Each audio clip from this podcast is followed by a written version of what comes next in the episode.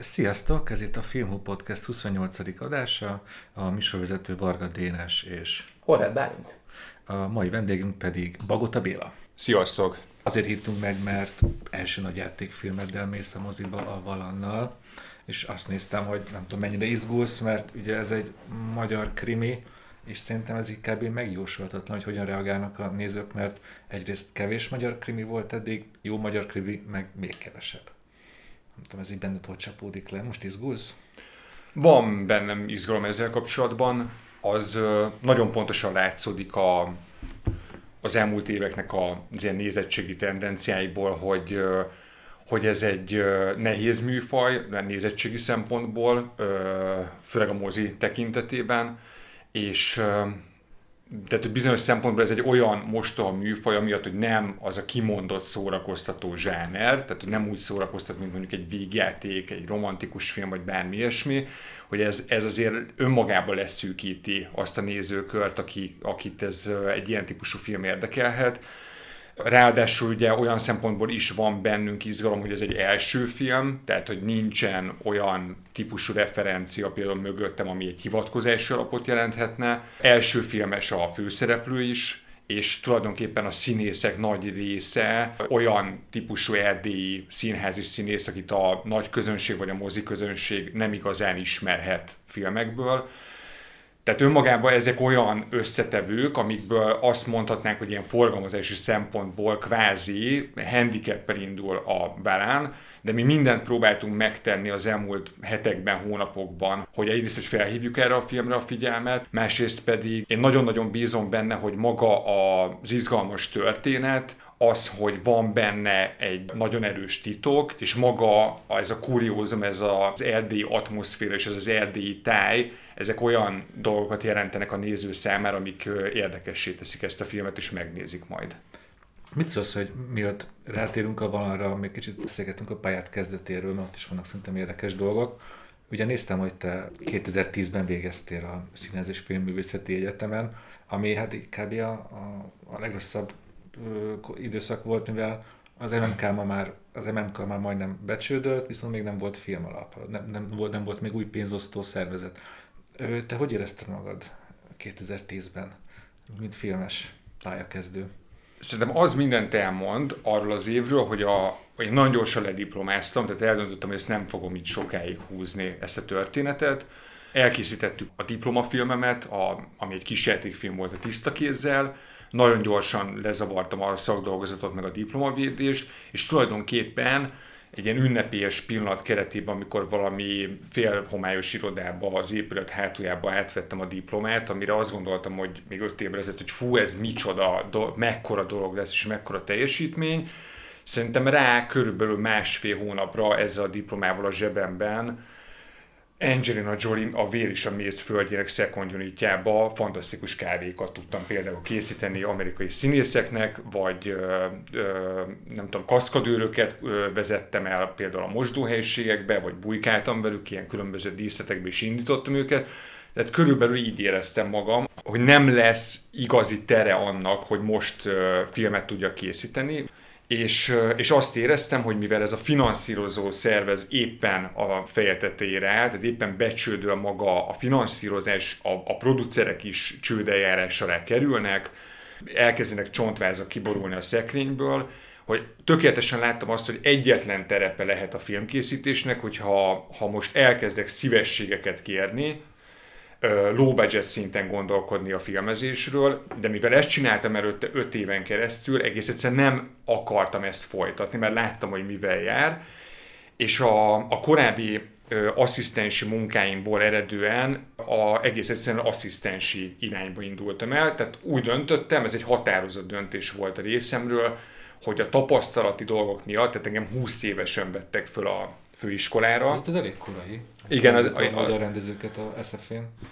Az egy viszonylag korai dolog volt, és tényleg az esélytelenek nyugalmával indultam el, tehát hogy semmiféle, tehát hogy filmezésre semmifajta köze nincsen a családban nálunk senkinek, nem is nagyon voltak ilyen ismerőseim, barátaim, és igazából az egyetemen az utolsó két évben engem kiengedtek a suliból, tehát hogy nekem nem kellett bejárnom, csak vizsgáznom kellett, a Mundrucó Kornélék kikértek az iskolából, és elkértek tulajdonképpen egy két éves szakmai gyakorlatra, ahol én a Kornélnak a rend, kvázi az ő asszisztense voltam, ez a Frankenstein terv is a Nibelung lakópark időszaka nagyjából, és ezt a, ezt a két munkát, ezt csináltam végig a Kornél, a Frankenstein tervnek végigkísértem a forgatását, és akkor ott annyira megéreztem azt, hogy az asszisztenskedés ez olyan szempontból érdekes lehet, hogy tapasztalatot lehet még gyűjteni a filmezés terén, hogy igazából ez egy exakt döntés volt, hogyha nem tudok ilyen keretek között, vagy nem lehet ilyen keretek között filmet csinálni, hogy szeretnék, akkor inkább kvázi tovább tanulok. Ez azzal járt értelemszerűen, hogy, hogy a diploma után nulláról el kellett kezdeni ezt a ranglétrát. Tehát, hogy olyan volt, mint hogyha gazdálkodj okosamba vissza a startmezőre, és elkezdődik egy új pálya, és aztán a Frankenstein tervnek az első asszisztense, aki Magyarországon szerintem az egyik legjobb első asszisztens, és nagyon sokat lehet tőle tanulni, mind szakmai, mind emberi módon a filmezésről, Gajdos Gábor vitt tovább, és a, és a Gáborral éveken keresztül dolgoztam a főiskola után, először runner piéként, harmadasszisztensként, másodasszisztensként, és aztán, aztán lehetőséghez jutottam végül első asszisztensként is. Csak egy pillanat rájunk meg, szerintem ezt nem mindenki tudja, és én sem tudom így pontosan, mi a feladata a rendezőasszisztensnek? Nagyon összetett feladat. Tulajdonképpen az idő, a kommunikáció, és a filmről való mindenféle tudás, tehát ezek az időnek a kezelése, a stábbal való kommunikáció az alapján, hogy a filmről mindent tudnia kell, még igazából jobban tudnia kell mindent a filmről, nem feltétlenül kreatív szempontokból, mint a rendezőnek, tehát az összes háttér feladatot tudni kell a film és a rendezői igényei alapján kiosztani és szétosztani a stábon, hogy, hogy ez a film ez le tudjon forogni, minden ott legyen a gyártással és a gyártáson keresztül természetesen a pénzbeli kereteken belül tartva. Nekem a rendezőasszisztentség az a maga a harc az idővel, tehát ez egy állandó játék olyan szempontból, hogy hogy egy, van egy előkészítési periódus, amikor elolvasod a forgatókönyvet, átbeszéled a rendezővel, feldolgozod ezt, tehát hogy lebontod minden egyes részletét a forgatókönyvnek, hogy az forgatás technikailag hogy kell majd, hogy megszülessen. Akkor ehhez egy nagyon ilyen pontos, logikus gondolkodás kell ehhez a melóhoz. Ilyen. Logikus gondolkodás. Mint, mint határidőnap lenne, határidőnapló lenne a fejedben. Így van. A gyártásra, hogy összegyeztetve egy folyamatos timingot kell tartani az előkészítéstől kezdve ahhoz, hogy el tudjon indulni a film, közben figyelni kell mindenfajta egyeztetési pontra, a helyszínekkel, a szereplőkkel, meg minden egyéb körülménnyel kapcsolatban, és aztán tulajdonképpen egy nagyon pontos előkészítés alapján, ideális esetben végig kell vezényelni magát a forgatást, ezért mondom, hogy a kommunikáció az, az egyik legfontosabb kulcs ennek. Na várjad, hogyha jól értem, akkor, akkor nem te vagy a legnépszerűbb ember a forgatásom, akkor ez egy ilyen hajcsár szerep. Te vagy, aki rászólsz Reis Gáborra, hogy most már ne tököljünk, vegyük a következő jelenetet, nem? Bizonyos szempontból lehet nevezni egy hajcsánszeretnek, hogyha egy ideális struktúrában persze ez elkerülhetetlen, hogy legyenek ilyen típusú helyzetek, amikor az idő szorít minket, mert ezek, ezek a helyzetek azok, amik így folyamatosan jönnek egy forratási szituációban, de, de egy ideális esetben én arra szoktam törekedni, és nem azért, hogy elnyerjem a stáb szimpátiáját, hanem, hanem ezt az egész időkezelést, ezt nem lehet átfordítani egy ilyen nyomasztó formulába, és valószínűleg ez a rendezői attitűdömből ered, hogy, hogy én nem igazán tudok úgy átmenni hajcsárba, hogy már pedig most teljesítenünk kell 5 percen belül a napi nem tudom én mit, hanem egész egyszerűen prioritásokat tudok tenni. Tehát, hogy, hogy igazából nagyon-nagyon sokat kell olyan úgy sakkozni, hogy ez ne forduljon át egy negatív flóba, ez a, az időkezelése a dolognak, mert mert, mert az a film kárára válik. Tehát, hogy egész egyszerűen lehet azt mondani, hogy te egy végrehajtó vagy, és ennyi időn belül teljesíteni kell egy feladatot, de tulajdonképpen mi az a film, amit forgatsz, milyen habitusú emberekkel, mi annak az egésznek, a, tehát minden film igazából picit máshogy forog le, pontosan ezek miatt a, a tényezők miatt, hogy mi az alapanya, akik forgatják, milyen körülmények között, és ezekhez egész egyszerűen alkalmazkodni kell, ezt látni kell.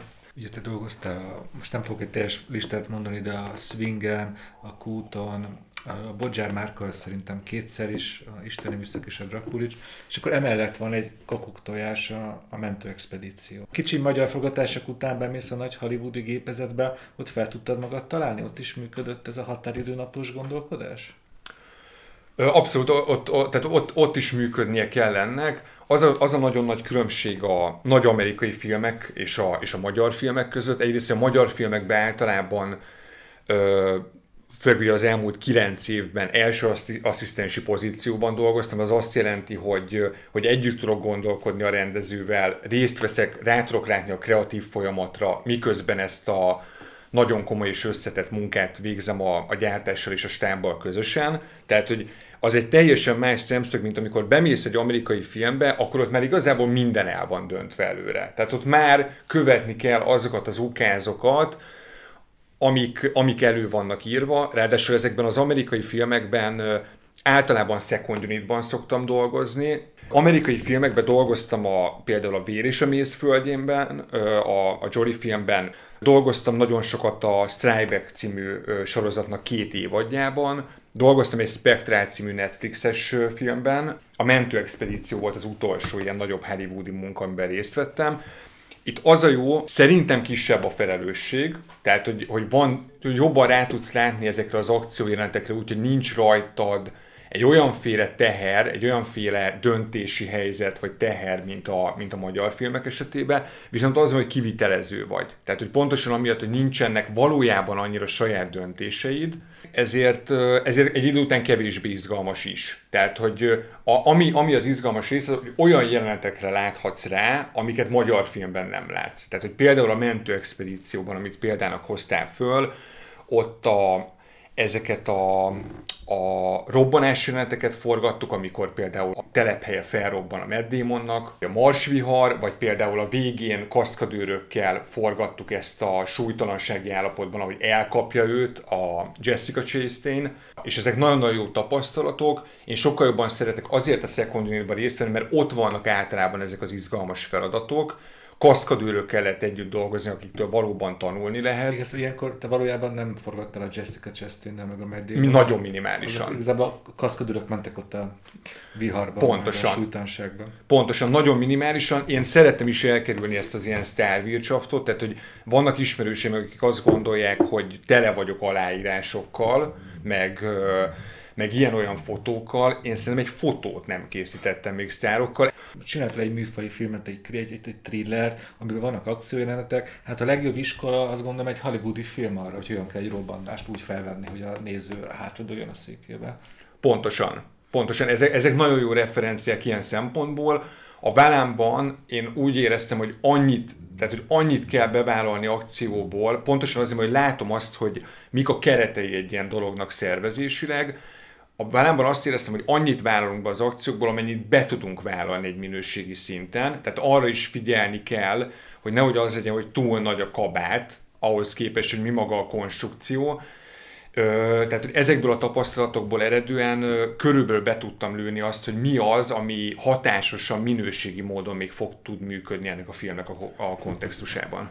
És egymás után kaptad ezeket a rendező asszisztensi melókat volt, az elmúlt kilenc évben volt olyan, amikor azt mondtad, hogy hát én most már feladom ezeket a rendezői álmomat, nekem jó lesz ez a biztos asszisztensis, asszisztensi szuc. Volt. Volt ilyen pillanat.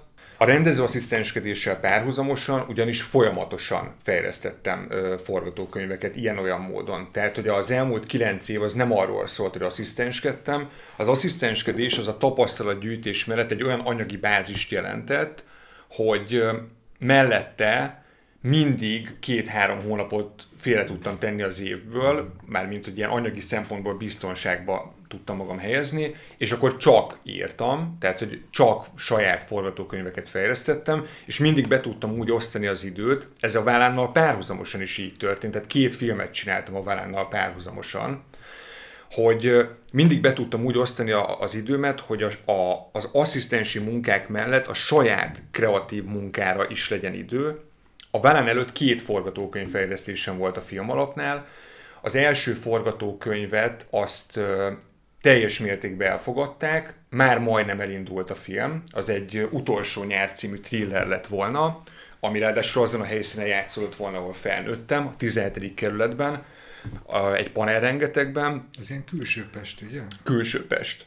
És azt egy hónappal a forgatás előtt állították le. Tehát, hogy igazából az a film az már célegyenesben volt, Viszont az utolsó pillanatban a film alap azt mondta, hogy mégsem kell nekik, és nem fogadták el a gyártási pályázatunkat.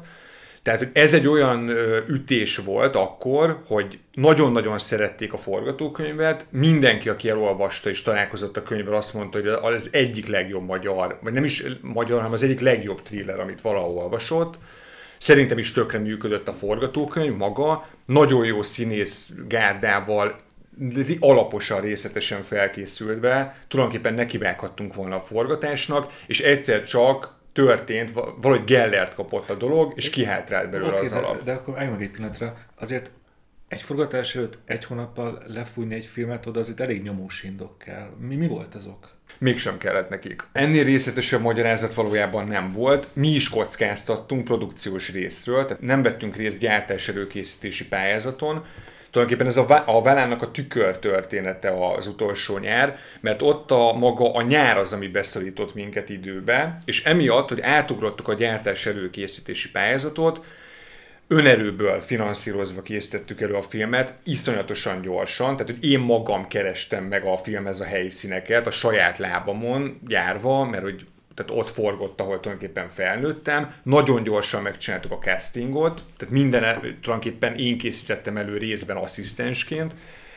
és aztán, mivel időszűkébe voltunk, nem volt hivatalos gyártáselőkészítési pályázatunk, csináltunk a film alap felé egy prezentációt, és a prezentáció után nem sokkal ö, úgy döntöttek, hogy, hogy mégsem. A, azt nem tudom, hogy a prezentáció miatt-e, mert hogy erre így konkrétan nem kaptunk soha választ, de egyszer csak tulajdonképpen olyan volt, mint hogy így ö, egy követ tartottak volna a kezükbe, ami hirtelen ilyen túl forró lenne, és így eldobják. És egyébként ilyenkor mit csinál az ember? Dűruhamot kapsz, egy, egy héten keresztül részeg voltál, vagy nem tudom, milyen, milyen reakció jön ki ilyenkor az ember, amikor élete álmaz, és szerte foszlik a célegyenesbe? Az egy nagyon nehéz periódus volt, olyan szempontból, hogy amikor kiderült, hogy ez a film ott és úgy azok között a keretek között nem valósulhat meg, nem indul el, és innentől kezdve nagyon-nagyon lecsökkent az, lecsökkent az is, hogy bármikor elindulhat-e, és ők azt mondták, hogy nem, tehát hogy, hogy valójában még a producerre egy fél mondat elég gondolkodtunk valami alternatív megoldáson, mert hogy később talán, vagy ilyesmi, de, de, de én nem akartam beleállni újra ebbe a történetbe, tehát nem, tehát nem láttam a lehetőségét annak, hogyha most azt mondták egy ideális helyzetbe, hogy nem, hogy akkor később ez miért változhatna meg, végleg letettél róla, vagy, vagy látod annak esélyt, hogy akár az átszerveződött film alapon még egyszer megpróbálkozz vele? Lehet, hogy egyszer megpróbálkoznék vele, az, az sokkal inkább egy így jöttem történet lett volna, mint a Válán. Tehát, hogy az, az egy olyan thriller lett volna, amiben konkrétan voltak benne önéletrajzi elemek, meg, meg maga a közeg és a helyszín, meg a kon, filmnek a kontextusa, hogy ö, nem tudom, 18 éves fiatalok körébe játszódott volna alapvetően, tehát hogy ez egy sokkal közelebb álló dolog volt hozzám, mint, mint tulajdonképpen maga, amilyen a Velán lett.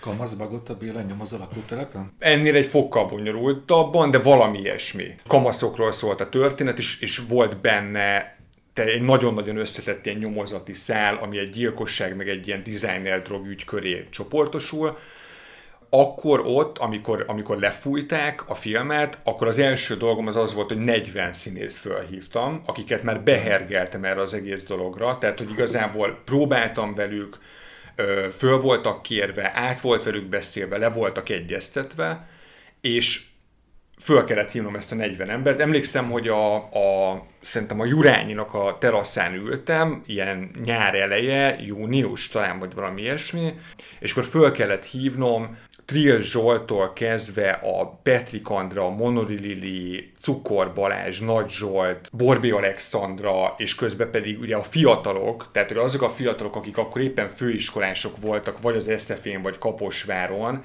nem, ez nem, nem volt egy egyszerű történet, ráadásul ugye a, a főszereplője a filmnek a Jéger Zsombor lett volna, aki már akkor, ak- akkor, amikor ott előkészítettük a filmet, láttam, hogy egy elképesztő kvalitású srác, és El, el is vitte a mondott cukornél. ennek örültem. A- Annak, nagyon-nagyon örültem, hogy a, hogy a Zsombor aránylag hamar lehetőséget kapott egy nagy nemzetközi minőségű munkában, mert, mert, mert nagyon komoly tehetsége van hozzá. Utána volt még egy fejlesztésem, ami már a forgatókönyv fejlesztés fázisában zátonyra futott, az egy misztikus krimi lett volna, amit közben fejlesztettem sorozattervként, meg közben voltak kisfilmes pályázatok, fejlesztések, és mindig valamilyen fázisban mindig egyszerűen dugába dőlt a dolog. Tehát valahol mindig kisiklott a vonat, valahol mindig félrecsúsztak azok az energiák, vagy a, vagy a film magában, vagy a körülmények miatt, és szerintem a, a nagyjából valamikor a lajkó környékén lehetett az, hogy elkezdtem abban gondolkodni, hogy igazából lehet, hogy kár itt pattogni, lehet, hogy fölöslegesek ezek az erőfeszítések, olyan szempontból, hogy én mindenképpen egy bűnügyi történetet akarok elmesélni, mindenképpen krimiben gondolkodom, mert valahogy így működik a, az agyam, és, és valamikor a, valamikor ott azt éreztem, hogy igazából tehát miért ne lehetnék asszisztens. Tehát, hogy, hogyha ezt az asszisztensi szakmát, ezt megpróbálom magas szinten művelni, folyamatosan jönnek a megkeresések, folyamatosan jönnek a munkák. Ugye ez egy olyan csábító erő, Meg, meg ez biztos pénz, nem? Azért ma kimondhatjuk, hogy azért ez, ez jó keresett az ember, hogy állandóan hívják asszisztensnek. Pontosan. Ez, ez, ez, ez tulajdonképpen egy folyamatos állandó anyagi biztonságot jelentett, meg jelent így, a, így az elmúlt években.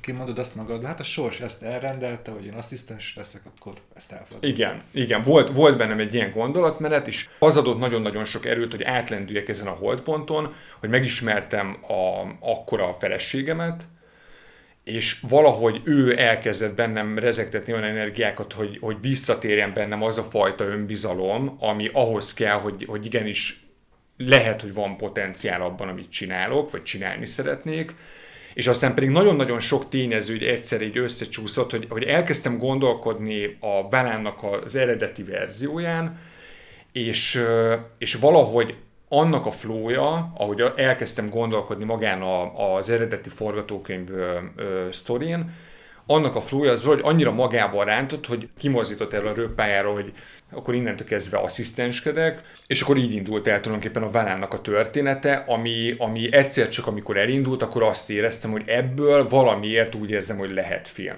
Mi volt az eredeti ötlet? Azt hiszem, hogy ez különbözik attól, mint ami elkészült. Igen, a, az eredeti történet az egy ö, olyan típusú ilyen skandináv abszurd vígjáték lett volna, mint mondjuk az Ádám almái. Abszurd vígjáték. Igen. Eszembe jutott egy ötlet, ami alapvetően egy lelkisegély telefonszolgálatról szól, és ebben a történetben a maga a lelkisegély telefonszolgálatnál dolgozó szakértő vagy diszpécser, ő úgy dönt, hogy személyesen száll bele azokba a sztorikba, amikkel megkeresik. Tehát tulajdonképpen pontosan azt teszi, ami egy tabu az ilyen lelkisegély szolgálatoknál.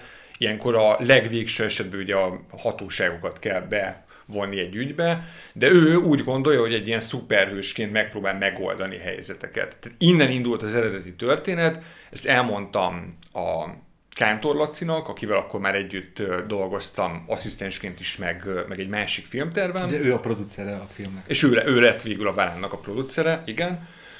Elmondtam a Lacinak, Laci mondta, hogy nagyon jó, nagyon tetszik neki az ötlet, meg igazából azért az is benne volt mindkettőnk gondolkodásra, hogy, hogy vé- végre nem egy krimi, mert hogy én ugye állandóan krimibe pörök, hogy valami végetik, és ebben lehet, hogy ki tud jönni valami jó ilyen humor, tehát egy ilyen jó, jó értelmű végjáték, és három napon belül szerintem már ö, hív, szóltam a Lacinak, hogy figyelj, hogy így ezen gondolkodtam, meg elkezdtem kibontani a szállkot, és igazából ez egy krimi. Sorry, mondta, hogy jó, igazából mindegy, az a lényeg, hogy kezdjek el rajta melózni, üljünk majd össze, és, és amikor a nulladik verziója tulajdonképpen megíródott a, a Válánnak, akkor meg az utolsó hívás címen futott, akkor beadtuk a filmalaphoz, és, és neki alapvetően a, a történetnek az atmoszférája az, az, ami alapvetően tetszett, és akkor még nagyon-nagyon más volt a, a kezdeti történet, és a, a És még mindig abszurd vígjáték. nem, nem. Ez A, ez- akkor, akkor már egy misztikus krimiként volt beadva. Tehát, hogy ott tulajdonképpen a fejlesztés előtt már kiveszett belőle ez a, ez a skandináv irányú És vígjáték. az erdély szállat mikor találtad meg hozzá? Az erdélyi szállat azt a fejlesztés közben, tehát hogy az eredeti történet az mindenképpen egy havas, e- hegyi bányavárosra íródott, egy olyan városkára, ami, ami kifejezi ennek a, az egész régiónak a pénztelenségét, a nincstelenségét, tehát ezt a társadalmi leszakítottságot, és a másik nagyon fontos eleme az volt a történetnek, hogy volt egy motívum a fej, fejemben, ami kifejezetten a hóhoz, meg a karácsonyhoz kapcsolódott. És amikor a forgatókönyvet elkezdtük fejleszteni, és a Lacival nagyon hamar elkezdtük realizálni ezt a dolgot magunk között, vagy racionális tenni, hogy ha e- leforgatnánk ezt a filmet, hol tudnánk leforgatni, akkor egy nagyon logikus válasz jött ki. Ezt az országhatárokon belül nincs olyan település, amire tudnánk mondani egy olyan, tehát nincs olyan település az országhatárokon belül, ahol van garancia arra, hogy 30 napig van hó. Hát manapság már a Mártában, a bükkben is van olyan tél, hogy csak két-három hétig van. Szóval... vagy, vagy se, és kiszámíthatatlan, tehát az, hogy novembertől márciusig hogyan lősz be egy forgatási etapot, pontosan az eddigi tapasztalataim alapján tudtam, hogy az irracionalitásra hadakoznánk, hogyha egy, tehát hogy fejreállnánk. Annak meg, hogy egy első filmnél abba gondolkodni, főleg minden anyagi, meg környezetvédelmi, meg nem tudom milyen szempontból, hogy műhavazzunk egy városban, vagy szerintem azért el tudjátok képzelni a CGI havat. A, a racionális logika oda vezetett minket, hogy, hogy Erdélybe garantált abba hó, tehát hogy így is kockázatos volt ez a vállalkozás, ebben azért volt egy ilyen orosz szület, de, de ga, sokkal garantáltabb mondjuk a Hargita fele elindulni, mint a Mátra fele, mindenféle szempontból. Illetve tehát gondolkodhatunk volna egyéb régióban, a felvidékben, vagy Szlovéniában, vagy Ausztriában. Egész egyszerűen nem biztos, hogy ezt fejezte volna ki a történetben, sőt, valószínűleg egyáltalán nem. Másrészt pedig a Kántor Laci ő kolozsvári születésű, forgatott már Erdélyben, vannak kapcsolatai Erdélyben, és akkor emiatt indultunk el, miközben írtam a forgatókönyvet. És ez volt ö, szerintem nagyjából a fejlesztés egyharmadánál, hogy kimentünk, és ez azért volt nagyon jó, mert eleve úgy szoktam forgatókönyvet írni, hogy az, a történet origója, a helyszín az megvan, tehát az általában létező helyszínre szoktam írni a sztorit, és itt az, hogy megtaláltuk magát Balánbányát, azzal, hogy kimentünk, kifotóztuk, és, és előttem volt az egész városkép plastikusan, az önmagában nagyon sokat segített a hátralévő forgatókönyvírásban, nem csak térben, meg külsőségekben, hanem amiatt, hogy bejött maga Erdély, mint tényező ebbe a történetbe, a karaktereken, a viszonyokon, meg a társadalmi renden keresztül. Hát igen, azt mondjuk is, ez nem spoiler, hogy konkrétan egészen 1989-ig a romániai forradalmig visszamegy a történeted, ami ezek szerint akkor nem volt benne az első verzióban, csak először jött Balánbánya, és akkor elkezdték gondolkozni Ceausescu-ban, meg Erdélyben. Pontosan. Pontosan a, az eredeti történetben ugye megvolt a, a főszereplő hugának, a Julinak az eltűnése, ugye még gyerekkorukban történik mindez, viszont az egy sokkal egyszerűbb és hétköznapibb helyzetre volt megírva a korábbi verziókban, és amikor bejött Balánbánya, egész egyszerűen valahogy automatikusan bejött az, hogy, hogy nem lenne-e izgalmasabb egy, egy felfordulás, egy kaotikus helyzet közben maga ez, a, ez az eltűnés, maga ez a bűnügy, ahonnan elindul, mert valahogy az egész történetet máshova fogja hangsúlyozni, és a másik pedig, sokkal izgalmasabb volt számomra, nem az, hogy tehát, hogy az, félreértés ne essék, én nem szeretném ebben a filmben elmondani a, a, azt, hogy Erdélyben hogyan élték meg az emberek a romániai forradalmat és a rendszerváltást, mert egy olyan embertől, aki 2017-ben járt először Erdélyben, nincsenek rokoni vo- vonalok, meg, vonalak, meg nincsen ilyen típusú kötődés Erdélyhez, azért ez egy ilyen Móriczka elképzeli állapot lenne. Tehát, hogy olyan, nem, nem én szeretnék lenni az az ember, aki elmondja ezt a sztorit. Engem az érdekelt, hogy ez a kisfiú ebben a helyzetben ő rajta mi, mi az, amit érzünk, vagy mit érzékelünk ebből az egész felfordulásról, ami ugye történik körülött a világban, a valóságban, de ő, ő neki semmilyen más célja nincsen valójában ebben a káoszban, csak hogy megkeresse, vagy megtalálja a hugát, aki egyszer csak valami fura rezgések után egyszer csak eltűnik. Igen, ezen eltelik 25-30 év ugye a történetben. 22. 22, bocsánat, és még mindig, még mindig a huga van a fejében. Ez egy kicsit olyan megszállott nyomozós, és ez is egy ilyen típusa a krimiknek. Szóval ezeket szerettél ilyen típusokkal, panelekkel dolgozni a krimikből.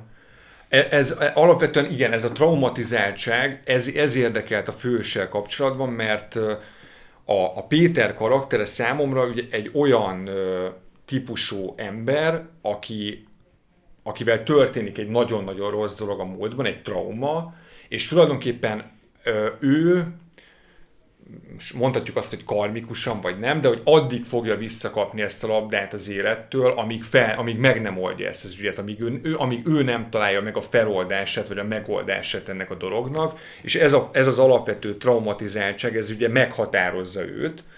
Ez bizonyos szempontból egy egy nyomozói séma, tehát hogy ez ugye egy ilyen közkedvelt irodalmi, vagy akár filmes séma, de, de úgy próbáltuk megközelíteni a Krisztik Csabával ezt a, ezt a nyomozót, meg magát a traumatizáltságot, hogy az plastikus tudjon lenni, és ne feltétlenül egy ilyen képletszerűen működjön a történetben. Ráadásul ugye az a kulcs ennek a filmnek, hogy együtt tudsz-e vele menni a sztoriban. Ez egy egyszemszöges történet, egy POV-vel mész, csak annyit látsz minden szegmensből, amennyit a nyomozó lát, és valójában ez egy nagyon-nagyon fontos kulcs, hogy, hogy ő emberi, hiteles, rá tudsz ülni arra a vonatra, amin, amin ő utazik, ebben a történetben vagy nem, mert uh, szerintem a drámai rezonancia az ugyanannyian fontos ebben a sztoriban, mint maga a krimilogika. Számomra egy, egy kriminél mindig az a két fontos kérdés, amit nem is most említettél, hogy elég izgalmas a rejtély, hogy kíváncsi legyek a megoldására, és ugye a főszereplő, akivel megyek, az elég izgalmas. Gondolom, akkor te is ezt a két kérdés, ez végig ott volt az agyadban. Persze. Mert krimit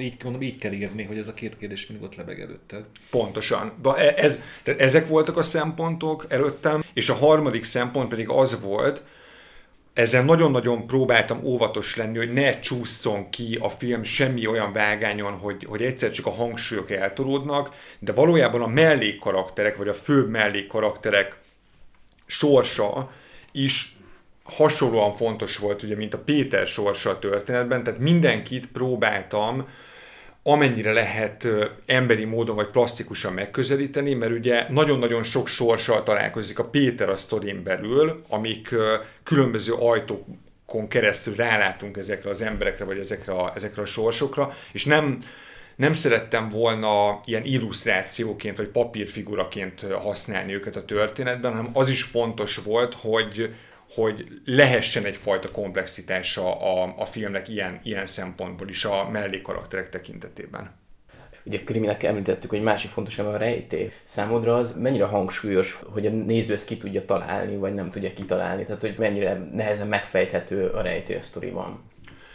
Ez egy fontos szempont volt, amikor a, a filmet írtuk, vagy írtam, amikor elkészítettük, és az utómunkánál volt, valójában az utómunkánál olyan szempontból lett nagyon-nagyon fontos szempont, hogy a tesztvetítéseken én öt tesztvetítést szerveztem a hivatalos tesztvetítés előtt, különböző korcsoportú, külön, tehát hogy férfiak, nők vegyesen, különböző iskolázottság, tehát mindenféle ilyen szempontból így próbáltam ö, olyan keretekbe helyezni ezeket a tesztvetítéseket, hogy ezek tényleg ö, mondjuk referenciaértékűek legyenek, és amikor teszteltük a filmet az utómunka során, akkor ez, ez egy elég fontos szempont volt, hogy körülbelül arányaiba ki mikor fejti meg a történetet, hogy kinek mikor derül ki, hogy, hogy ki áll egy bűncselekménynek a hátterében, meg hogy kinek mi, milyen köze van bármihez.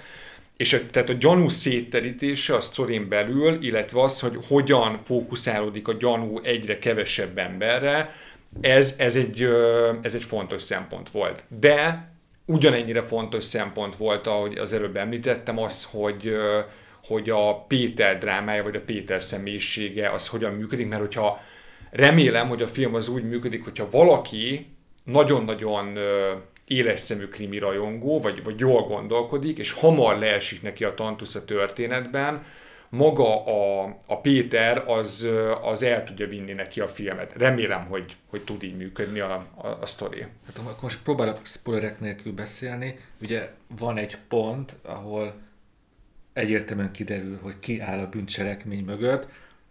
Én is, meg akikkel beszéltem, azért általában már előbb rájöttek. Nem tudom, amikor te csináltad a fókuszcsoporttal, akkor mi volt az általános válasz, hogy akkor tudták meg, amikor egyértelműen kiderül, vagy már nagyon erősen gyanították előtte is? Általában az volt, a vissza, mondjuk ilyen 90%-os pontossággal az volt a visszajelzés, hogy a nézők 80-90%-ának akkor üt be a megoldás, amikor kell, de hamarabb fölmerül a gyanú azzal az emberrel kapcsolatban, csak a film dramaturgiája, meg cselekménye, az, meg maga a nyomozás, az elviszi a fókuszt, és szétteríti a, a, a gyanút a más szereplők között, és a végén tulajdonképpen vagy az, hogy váratlanul éri a nézők egy, egy részét, vagy jelentős részét, vagy az van, hogy, hogy beigazolás nyer, vagy igazolás aha, nyer. Aha, tudtam, csak közben arra is gondoltam, hogy mi van, hogyha ő volt. De, és volt mondjuk egy ilyen 10-15 százalék, akik viszont, tehát általában a, nem tudom, a jó nezbő irodalom ott tornosul a polcaikon, tehát ugye alapvetően tehát mondjuk e, az ilyen, vagy mondjuk imádják a krimit, vagy vagy, vagy tehát, hogy látszott, hogy nagyon-nagyon éles szemmel figyelték a filmet, ők, ő, ők voltak azok mondjuk ez a 10-15 százalék, akik nagyon hamar kitalálták. Meg, meg amúgy most magamból indulok ki, de aki sok krimit néz, abban már van egy ilyen alapgondolat, hogy mindig az a gyilkos, aki nem gyanús, tudod? Uh-huh. Szóval, és akkor mindig, ez olyan rossz, az ember mindig, mindig úgy gondolkodik, hogy nem is magából a filmből veszi a nyomokat, hanem ebből indul ki, hogy akit a film nem akar bemutatni gyilkosnak, biztos az lesz. Nem tudom, hogy benned van ez a ez ilyen rossz gondolkodás, de sajnos ez így, így bennem megvan. Van, van, van abszolút, ez, tehát hogy abszolút megvan ez a kriminológika alapján, és ezért volt fontos az, a, amikor a, főleg a vágási meg a, meg a hangi részén dolgoztunk már a filmnek, hogy nem szabad eldugni azt a, azt a karaktert, tehát hogy valójában ugye ez egy ilyen kétérű fegyver, vagy egy ilyen, hogy mondjam, egy ilyen olyan játék, hogy lehet, hogy pont félre megy, hogyha az ember rosszul csinálja, azt meg kiderül, de hogy, hogy pontosan ebből a logikából fakadt az, hogy egy pillanatra pillanatra fölmerüljön a nézőben, vagy nem is egy pillanatra, de legyen egy szakasza a filmnek, amikor fölmerül a nézőben, hogy nem-e az az adott ember, ki, akinek köze van magához a bűncselekményhez. Tehát, hogy valahogy próbáltam ezt a fordított logikát alkalmazni, emiatt, zárban megjegyzem, emiatt biztos, hogy van olyan, akinek nagyon hamar lebukik a történet, de azért próbáltam egy kicsit ezzel a logika ellen menni. Én még vissza akarok térni Erdélyre, mert számomra nagyon izgalmas, hogy, hogy akkor te magyarországi magyarként írtál erdélyi történetet, és szerintem ilyenkor az így elég veszélyes tud lenni, ha az ember Erdélyt a távolból ilyen, nem tudom, ilyen romantikus meseországnak képzeli, tudod, székelyhínus, székelykapu. Hogy benned volt tudatosan, hogy ezzel ellen a kép ellen menjél, vagy legalábbis harcolj ez ellen? Nem, nem. Ez nem is törött ezzel. Nem, ne, nekem alapvetően az volt a szempontom, hogy amikor, tehát egyrészt dolgoztam a forgatókönyvön, és nekem a, a karaktereknek a működés és a karaktereknek az igazságai voltak az elsődleges szempontok, mert már azelőtt is ugye, hogy tudtam, hogy mondjuk ez egy erdi sztori legyen.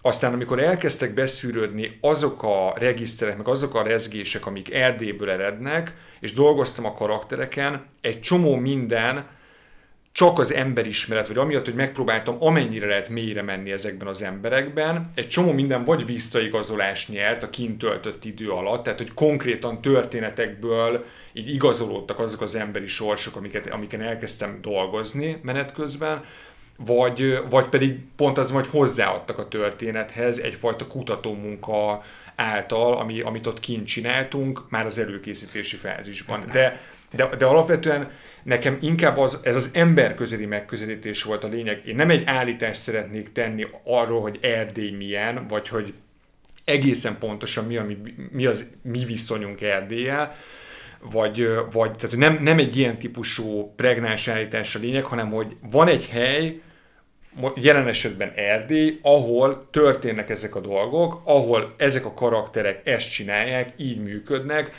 kvázi az, amit ez a, a film érint, az történhetne a világon bárhol bizonyos szempontból. Az, hogy az, hogy vannak benne ilyen lokál specifikus dolgok, azok abból erednek, hogy, hogy próbáltam arra törekedni, hogy, hogy igenis, ha már Erdélybe megyünk, akkor viszont legyenek olyan dolgok, amik Erdélyhez kapcsolódnak. Hát igen, csak... Például a forradalom. Például a forradalom, a másik meg ugye, ugye Balánbányán forgattatok Hargita megyében. Így van. És ott a történetben egy az egybe átemelted Balánbányának a, az etnikai megoszlását, hogy azt hiszem kb. fele-fele azt néztem Wikipédián. És Igen. ez a filmből is visszatükröződik, hogy így néha románul, néha magyarul beszélnek a filmben. Szóval azért ott teszel erős állításokat arról, hiába nevezed valannak, azért az mégiscsak Balánbánya, és arról teszel állításokat, hogy egy éhetetlen bűnös város. Olyan szempontból igen, azokra a városokra, ugye az eredeti történetben is az volt számomra fontos, hogy egy, egy bezárt bányával rendelkező hegyi városról van szó, és a bánya bezárása az odáig vezeti a, a helyieket, meg a lakosságot, hogy egy, tehát oltatlanul egy lecsúszás szélére kerülnek, ami meghatároz egy ilyen társadalmi egzisztenciális válságot abban a városban, vagy abban a régióban. Tehát eredetileg volt egy ilyen elképzelés a fejemben, amihez megtaláltuk tökéletes helyszínként Balánbányát. Balánbánya tulajdonképpen dettó az a sorsa, ami, amit én eredetileg kitaláltam erre a településre. Tehát kvázi letükrözte ezt a dolgot. Most az más kérdés, hogy, hogy amikor ott dolgoztunk a városban, akkor láttuk azt, hogy a, hogy a helyieknek a törekvése, meg egyáltalán az, hogy, hogy mint közösségük hogyan működnek, és azért az, az egy sokkal árnyaltabb kép, mint amit ez a film ilyen szempontból megfogalmaz. Az ugye igen, még messziről ezekből a hegyi bányászvárosokból annyit láttunk, hogy rendszerváltás után még ideig megy a bánya, ugye azt bezárják, és onnantól kezdve elnéptelenedés megy, és egy nagyobb munkanélküliség. Gondolom, nem ismerem, de gondolom Balánbányának is ez a nagy sztori a madártáblatban. Pontosan. Ráadásul ugye az van, hogy, hogy ez a régióban ebben a, Hargit, a, ebben a Gyergyói Hargitai régióban a körülötte lévő városok, azok mind ott, ott mind a magyar lakosság van többségben. Ez az egyetlen olyan város, pont ennek a katlannak a közepén, ami tulajdonképpen egy mesterségesen feldúzasztott város. Ide a bánya feltuningolása miatt több tízezer román telepítettek be a Ceausescu érába, és tulajdonképpen ugye ennek a román lakosságnak a, egy része ott maradt. A város az egy több tízezeres lakosú város, most már jóval tízezer alatti a lakosság, azt hiszem inkább ilyen 5-6 ezer fő körüli a lakosság. Tehát nagyon-nagyon sokan elmentek, maradt ez az etnikai arány, amit, amit kb. amit említettél, Viszont én azt látom, hogy, hogy azért ez alapvetően, ugye ez egy speciális helyzetű város, hogy nem az a fajta állandó megosztottság, vagy ez a felülről érkező, tehát tulajdonképpen inkább a felső politikából érkező ilyen gyűlöletkeltés határozza meg például a lakosoknak a mindennapjait, tehát hogy itt nem ugranak egymásnak a lakosok az ABC-ben. Ezt akartam is kérdezni, hogy nem tudom, hogy hány hetet forgatatok ott, te etnikai feszültségnek bármi nyomát tapasztaltok? Nem, nem tapasztaltam. Tehát, hogy olyan, olyan voltak olyan, volt egy-két olyan helyzet, amikor amikor forgattunk az utcán, és láttuk az utat, és ebből voltak surlódások, leginkább olyan sorolások voltak, hogy én úgy emlékszem, hogy főleg román nyelvű emberekkel, de részben azért, mert nem, nem biztos, hogy olyan stábtag volt ott, aki el tudta nekik magyarázni, hogy épp mi történik, de nem, nem tapasztaltunk ilyen etnikai sorodásokat, mindenki nagyon segítőkész volt. A városnak tulajdonképpen ez egy óriási esemény volt, az, hogy mi ott voltunk, és hogy összedolgoztunk velük.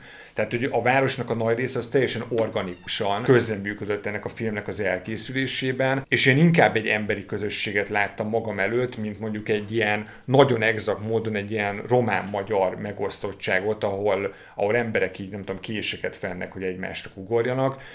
Én sokkal inkább ezt az oldalát tapasztaltam meg úgy, hogy tulajdonképpen szerintem a városnak majdnem minden fajta is típusú szegmensével, a helyi paptól kezdve a polgármesteren, a diszkó tulajdonoson keresztül, az iskolavezető, a gyerekek, a gyerekek szülei, a különböző családok, a helyi fiatalok, akik a diszkóba járnak. Csomó emberrel beszéltem és találkoztam, amikor ott voltam, és, és sokkal inkább egy egy próbálkozó közösséget láttam, akik próbálnak fennmaradni, vannak tervek, meg ötletek arra vonatkozóan, főleg ilyen turisztikai irányba, hogy hogyan próbáljanak meg valahogy gazdaságilag létezni és fennmaradni. Tehát, hogy egyre inkább próbálják ledobni magukra ezt a keresztet, amit a bánya bezárása jelentett. Ezért mondom azt, hogy a, a filmben ez azért egy, egy fiktívebb állítás, egy fiktívebb rajz, amit, amit mutatunk, de közben nagyon-nagyon sok múltbeli vagy közelmúltbeli történet, az, az, az igenis referencia volt a, az ott élők részéről a, a film számára. Tehát, hogy a munkanélküliség, most egyetlen egy példát mondok, a, a munkanélküliség az ugye odáig vezetett, hogy a középosztály, vagy a, nem a középosztály, hanem a, a középkorúak azok, akik főleg hiányoznak a városból. Nagyon, vannak fiatalok, vannak idősek, de a, azok, akik például ugye ilyen középkorú szülők, azok legtöbben vagy egy másik román nagyvárosban, vagy a legtöbbjük külföldön tud munkát vállalni. Ezzel tulajdonképpen majdnem azt mondom, hogy majdnem szinte hiányzik egy ilyen középkorú réteg a városba, ami, ami tehát ami, ami egészen elképesztő dolog az, hogy ugye itt ilyen nagyszülők nevelik tulajdonképpen a gyerekeket, és a középkorú szülők azok pedig most tehát lehet, hogy nem pontos a megfogalmazás, de mégiscsak a saját életük rabszolgájaként valahol dolgoznak távol az anyagi biztonság megteremtése miatt a családjuknak. Tehát, hogy közben vannak itt ilyen sorsok, és ezekbe nem megy bele nagyon mélyen a film, de van benne olyan szál, a, az, az egyik nyomozati száron a, a, egy kislány, akit, aki a nagymamájával élt együtt, ahol ezek a történetek visszacsengenek, ahol egész egyszerűen elkezdtem használni a történet szöveteként hát ezeket. Hát igen, mert ugye, ugye a filmnek az egyik témája ugye a, az emberkereskedelem, a gyerekek, akiket behálóz a maffia, és aztán prostitúcióra kényszeríti, és az olyan gyerekek, akiknek hiányoznak a szülei, azok sokkal könnyebben áldozatává válnak ennek. A gondolom, akkor itt a kapcsolat, a valóság és a fikció.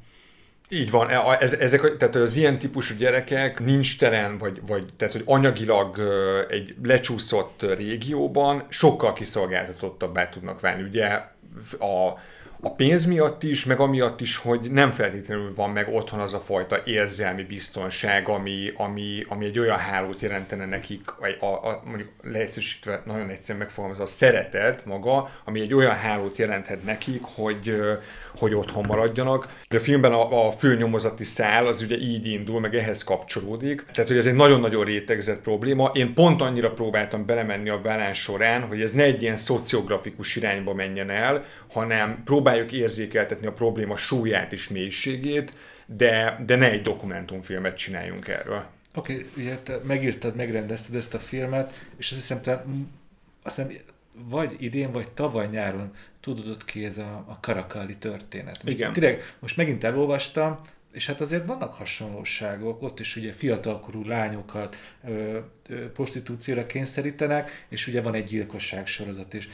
Amikor te ezzel a sztorival szembesültél, akkor mi volt az első gondolat, hogy ezért volt benned meglepetés, hogy úristen, ezt kb. én is megírtam, csak kicsit máshogy? Természetesen volt bennem meglepetés, tehát hogy amikor ezt, a, ezt az egészen elképesztő és borzasztó és ilyen nagyon durván összetett, tehát hogy itt a, egészen ugye a, a magának a bűncselekménynek a borzalmától a rendőri inkompetenciái mindenfajta szegmens benne van a, a, ebben a Karakeri ügyben. Azt éreztem, amit a film során kicsiben él, éltem meg ezeken az emberi történeteken keresztül, hogy nagyon sokszor van az, hogy a valóság az egész egyszerűen visszaigazolja ezt a fikciót, vagy valahogy valahogy, hogy, hogy a vállánnal rátapintottunk egy olyan ö, dologra, vagy egy olyan problémára, ami egész egyszerűen így, így, így egy ilyen borzalmas eseten keresztül hogy ki tud budjani a valóság szövetéből is, mert hogy ez egy létező dolog, ez egy létező probléma. Az egy másik kérdés, hogy mi hogy fogtuk meg a vállámban, és hogy, hogy mi történt ebben a konkrét esetben, de vannak, tehát hogy vannak ebben áthallások, és és megmondom őszintén, hogy engem így a hideg kirázott, amikor először találkoztam az ügyel, és aztán utána, amikor nyíltak a, a további ajtók ezzel az ügyel kapcsolatban, akkor tényleg azt kezdtem el érezni, hogy ilyen kísérteties sorúságok vannak. Hát igen, ugye a Karakali ügyben egészen fent, nagyon magasra érnek a szálak, például ő mondjuk csak inkompetencia megy, de például a rendőrfőkapitányt is elbocsátották. Te a filmedben te megállsz hát ilyen helyi szinten, hogy neked van egy korrupt román rendőröd. Nem akartál tovább menni, nem, nem akartál magasabbra menni. Nem akartam magasabbra menni, pontosan azért, hogy egy, egy kisvárosi, egy hermetikusan zárt erőviszony, vagy erőviszonyrendszert tudjak megmutatni. Tehát, hogy, hogy pont az volt a fontos számomra, vagy én, én legalábbis azt érzem, hogy a valósághoz közelebb áll, hogy ezt megpróbálnák amennyire lehet a helyi viszonyok között tartani ezt az ügyet, mert hogyha ez kirobban, és elmegy egy ilyen nagyobb kontextusba, mint mondjuk ami Valámban történik, akkor egyrészt elment volna teljesen más irányba a film, másrészt pedig szerintem akkor ment volna egy kicsit ebbe az ilyen amerikai típusú dolog, vagy nem, tehát azt érzem, hogy akkor így megnyílnak, tehát hogyha ez nem, nem ilyen román új hullámos módon van kezelve, hanem ez a, és akkor még jönnek a nagyvárosi zsarók izéből, a, akkor ott félrecsúszott volna nekem a történet, és a, a, szerintem a Dragosnak a karaktere a filmben a sokkal inkább azt predestinálja, hogy tehát maradjunk meg a saját mi kis köreinknél, és tehát, hogy ez nem menjen ki a városból ez a történet, amennyire lehet. A forgatással kapcsolatban úgy fogalmaztál, hogy megszektél igazából minden szabályt, amit asszisztenseként tanultál arról, hogy hogyan érdemes egy első filmbe belevágni. Ebbe egy kicsit belemehetünk, hogy mik voltak ezek, amikre gondoltál? Szerintem minden szegmense nagyjából kockázatot jelentett, ami, tehát, hogy amit, amit meg lehet tanulni biztonsággal így a filmkészítésről, annak most már így, tehát nem tudatosan, de így visszamenően teljesen ellene mentem, olyan szempontból, hogy tehát, hogyha valaki azt mondja évekkel ezelőtt, hogy, a, hogy az első nagyjátékfilmet, amit ö, forgatni tudok, azt ö, 700 kilométerre az otthonomtól, egy olyan helyszínen, amit igazából két éve vagy másfél évvel azelőtt ismertem meg, román-magyar nyelven, tehát most már így tudom, hogy mit jelent a csevrej, de hogy, hogy egy szót nem tudtam románul, tehát hogy az egy, egy külön felkészítés volt számomra, hogy egy dialog coach összedolgozva a szövegeket, meg a szöveghitelesítéseket ugye felülvizsgálva, hogy szülessenek meg ezek a jelenetek. Tulajdonképpen olyan szempontból ö, teljesen kirúgva magamról a biztonsági hálót, hogy nem azokkal a színészekkel, akikkel az elmúlt tíz évben megismerkedtem, vagy együtt dolgoztam ilyen-olyan módon, és tudom, hogy ki az, aki fixen tudna működni egy ilyen szerepben, hanem, hanem voltak, va, itt konkrétan vannak olyan színészek fölkérve, akiknek élete első filmes munkája ez, tehát hogy semmilyen típusú filmes tapasztalata nem volt korábban, vagy lehet, hogy statiszta volt egy ö, román vagy egy ilyen erdély produkcióban, tehát va, mit tudom én, a Milánt játszó Messzesi Oszkárnak, ez egy olyan labda, hogy ráadásul egy dadogós román rendőrt kellett hoznia, életében először volt filmen, hogy tehát ugye ezek mind-mind-mind kockázati tényezők voltak, már a castingot illetően is, és akkor még ehhez hozzájönnek azt, hogy akkor gyerekekkel forgatni, adott esetben állattal forgatni, akciójeleneteket forgatni, ami tudjuk, hogy szerencsére most már egyre kevésbé tendencia, de azért magyar filmekben még mindig így ki tud siklani ez a vonat, nagyon ügyesen. Tehát, hogy próbáltunk arra törekedni, hogy ne ez a sziszegős állapot legyen, hogy így meglátsz egy akciójelenetet, és a vérciki kategória, és akkor közben ráadásul ugye önmagában egy krimit forgatni, aminek megvan ez a szabályszerűsége nagyon-nagyon kevés idő alatt, és akkor ez az egész bezárva abba a kontextusban elindult a történet, hogy mindezt a hóra alapozni, tehát, hogy ez nagyon-nagyon sok szempontból egy orosz lett volt. Hát most nagyon sok kérdést felvetettél, például a román nyelv. Te, mint magyarul tudó rendező, nagyon sokan jelenet van a filmben, amikor konkrétan két szereplő csak románul beszél. Te ilyenkor rendezőként hogy érzed azt, hogy ez most jó lesz neked, vagy inkább újabb felvételt kérsz tőlük? Egy nagyon pontos előkészítés a, a kulcsa. Először is nagyon precízen megírtam, a, vagy próbáltam megírni a dialógokat a forgatókönyv során, azt lektoráltattam egy román dialógkócsal, aki egy csomó, mert tehát engem önmagában nagyon érdekel a nyelv, meg a nyelviség, és igazából itt ilyen szempontból annak hogy nem tudok románul, hogy mégis kitombolhattam magamat a kétnyelvűség miatt, hogy mikor váltanak, ki a román nyelvű szereplő, és aztán nagyon-nagyon sokat megtudtam olyan szempontból a román nyelvről, hogy vannak olyan szófordulatok, amiket úgy nem lehetett átültetni, amik adott esetben nem tudom, oldást, vagy egy nagyon-nagyon pici humorréteget próbálnak jelezni a történetben, és ezeket szerencsére az Anna Popá, aki a Szentgyörgyi Román Színháznak a vezetője, ő volt a dialog coach, ő nagyon-nagyon pontosan átültette, elmagyarázta nekem a jelentés árnyalatokat, és igazából az történt, hogy a, amikor eljutottunk odáig, hogy próbáltunk a színészekkel, akkor ők már szövegtudással érkeztek, nagyon alaposan végigpróbáltuk az érzelmek mentén a váltásokkal együtt a, a, a jeleneteket, én nagyjából próbáltam megtanulni a szövegeket fejből, tehát hogy úgy, hogy fonetikusan értsem úgy a szöveget, hogy tudjam, hogy mi az, ahol járunk, vagy körülbelül mit mond.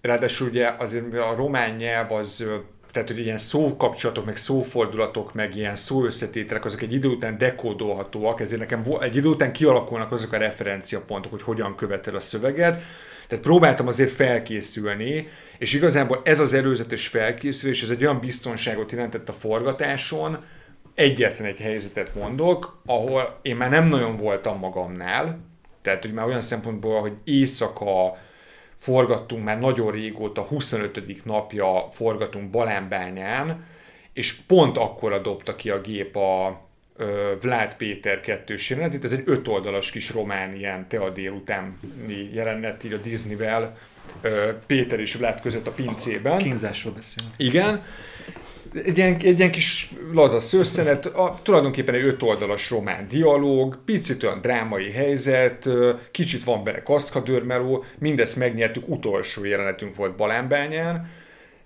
azt se tudtam, hogy, hogy konkrétan nagyon sokszor eszembe jutott, hogy mikor fog elindulni az a busz hazafelé, ami haza fog minket onnan hozni. Tulajdonképpen mínusz 20 fokba forgattunk egy pincébe, a stáb egy része annyira készen volt, hogy tényleg konkrétan ilyen sarokban aludtak emberek, ilyen félvilág lényekként mínusz 20 fokban, tehát egyszerűen irgalmatlanul nem volt mindenkinek az energiaszintje, és, és a Anna Popá valami nagyon komoly ilyen tüdőgyulladás vagy influenza, tehát föl, oda se tudott jönni már Balánbányára Sepsiszentgyörgyről, tulajdonképpen ez a két csávó, tehát a Csaba meg a Fekete Lovas Zsolt, aki a Vládot játsza, tehát ők ketten annyira pontos trekken voltak saját maguk között, hogy igazából most így őszintén szólva, hogyha bizonyos szempontból ott se vagyok, akkor is össze tudták volna rakni ezt a jelenetet, mert annyira pontosan előpróbáltak, és annyira fölkészültek, és ezek nagyon-nagyon sokat segítettek ezekben a helyzetekben, mert pontosan amit kérdeztél, tudtam azt, hogy lesz olyan helyzet, hogy tulajdonképpen nagyjából Kínában fogom magam érezni. Tehát a dövetsz kicsit. Igen, igen hogy, hogy, hogy, hogy egyszerűen, hogy, tehát hogy tudtam, hogy el fog jönni az a pillanat a forratás, hogy már akármennyire próbálok majd koncentrálni, sorvezető szinten se tudom majd követni a szöveget, tehát olyan lesz majd, mint hogy a kínaiul beszélnek, mert egyszerűen ez egy olyan plusz energia, hogy ez egy forgatáson már akkor, amikor teljesen ki vagy purcamba, akkor azt már nagyon-nagyon nehezen tudod pluszba beletolni. Szerencsé, mondom, az előkészítés a kulcsa mindennek ilyen szempontból. És az előkészítés volt a kulcs ott is. Ugye te Budapesten írsz egy forgatókönyvet egy erdély székely történetről, amiben aztán erdély színészek szerepelnek. Például most eszembe jut a Mártai László játszott egy ilyen nagyon konok erős fejű székely férjet, hogy neki ilyenkor megadott, hogy csak azt mondhatod, amit én leírtam, vagy mivel ő jobban ismeri helyi közeget, jobban ismeri a helyi embertípust, ezért ő nyugodtan átalakíthatja bizonyos szintig azt a karaktert. Ez a próbákon általában el szokott dőlni. Én, én nagyon-nagyon pontosan megpróbálom megírni a dialógokat, és attól amennyire lehet, azért nem, tehát hogy, hogy főleg hogy egy krimiről beszélünk, amiben a dialógon belüli infodagolás az, az nagyon-nagyon cool szerepet játszik, ki, hogy mond el éppen adott helyzetben mennyit. Tehát emiatt volt bennem egy erős ragaszkodás az alapszöveghez, viszont a próba folyamat során nagyon-nagyon pontosan és nagyon hamar kiderül, hogy mik azok a szövegek, amiket egyszerűen, amik, ami leesik a színész szájáról, vagy nem úgy mondja, vagy nem, nem úgy hajlítja, és közben ők tudnak tenni ajánlásokat. Szóval az erdészészeknek nyugodtan megmondták, I... hogy hát mi ezt így nem mondanánk. Volt, volt ilyen. Volt ilyen, nem is feltétlenül a, a Mátrai Laci frontján, hanem például a Hatházi András frontján, aki a, a, a Jánost játszotta. Ő, ő például nem csak a magyar szövegben, hanem a román szövegben is hihetetlen módon tudott segíteni a maga módján. Ugye ő egy tanárt játszik ráadásul, tehát ott a nyelvnál egyáltalán nem mindegy, hogy mit, hogyan mond és ők, tehát hogy ő például hozott javaslatokat, meg ajánlásokat, ő nagyon-nagyon sokat, sokat dolgozott nyelvileg a karakterén, Úgyhogy én ilyenkor nyitott vagyok, tehát nincs az, hogy már pedig én azt írtam, de azt nekem mindig nagyon pontosan figyelnem kell, hogy ez ne csusszon el abba, hogy túlhabzóvá válik, adott esetben ne csusszon el egy olyan irányba, hogy valamiért érthetetlenné válik, tehát hogy arra próbáltam azért alapvetően figyelni, hogy ne csúszunk el egy olyan irányba, hogy nagyon-nagyon sok tájszólás, vagy, vagy, vagy, vagy, vagy, vagy, vagy olyan speciális kifejezés, ami az adott régióból jön, tehát hogy ne az legyen, hogy egy ilyen totál nehezen dekódolható valami legyen, amiben a néző így jön, hogy tulajdonképpen ez most mit jelentett, hanem ezt amennyire lehet egy egészséges arányba autentikusan kezelni, de közben az info meg a drámai tartalom az süssön, vagy jöjjön át. És kérdeztük ezt, hogy mik voltak ezek a szabályok, amiket megsértettél, hogy milyen nehézségeid voltak a forgatáson. De még a, én még a hóra még egyszer visszatérnék, mert én ezt úgy képzelem, hogy a hó az olyan, hogy, hogy vagy túl sok, vagy túl kevés van belőle, de sose annyi, amennyit elképzelsz, mint rendező. Ezt így jól gondolom? Egy forgatáson? Hát ezt nehéz belülni előre, az, az egy nagyon, tehát az egy nagyon speciális szerkezet kéne, hogy ez így, ezt így tudjuk kontrollálni. Igen, tehát hogy igazából ideális helyzet az nem igazán lehet egy forgatáson, de azt kell, hogy mondjam, hogy ennek a filmnek az egyik legelemibb kulcs, hogy el tudott készülni, az a hihetetlen mázni volt, azon kívül, hogy mi milyen szinten készültünk rá, az a nagyon nagy mázi volt, hogy a, a hó az tulajdonképpen nagyjából az elejétől a végéig kitartott, tulajdonképpen az időjárás az szinte végig mell- mellénk állt, még olyan jelenetünk is volt, hogy ugye természetesen készültünk valamilyen szintű hógéppel, mert ami a legnagyobb szívás a hó mennyiségén felül, hogyha például télen forgatsz, akkor egy jelenetbe elkezd havazni, és addig nem havazott, akkor mit csinálsz? Ja, kontinu- kontinuitás, ki tudom ejteni. Pontosan. Po- a, tehát, hogy ez a, ez, ez a continuity faktor, ez egy olyan dolog, hogy hogy simán elképzelhető egy olyan helyzet, hogy leforgattad egy jelenet felét, és a második felébe elkezd havazni. Akkor megpróbálod levenni a hópelyeket a szereplőről, vagy visszaugrasz, és meg le kell forgatnod az elejétől. Tehát, hogy és egy csomó-csomó ilyen helyzet merült föl, ami, ami, amiben irgalmatlan mázink volt, még olyan helyzet is volt, hogy a, nem tudom, egy külső jelenetben, amire havazás volt kiírva, mert voltak olyan jelenetek, ahol specifikusan én beleírtam azt, hogy ott szükség van a hóesésre magára. Volt olyan jelenet, amikor konkrétan akkor, amikor azt mondta a rendezőasszisztens, a Donát vagy én, hogy tessék, abban a pillanatban elkezdett havazni. Tényleg, ahogy lecsaptuk, abban a pillanatban elkezdődött a természetes havazás, és be se kellett indítani a gépeket.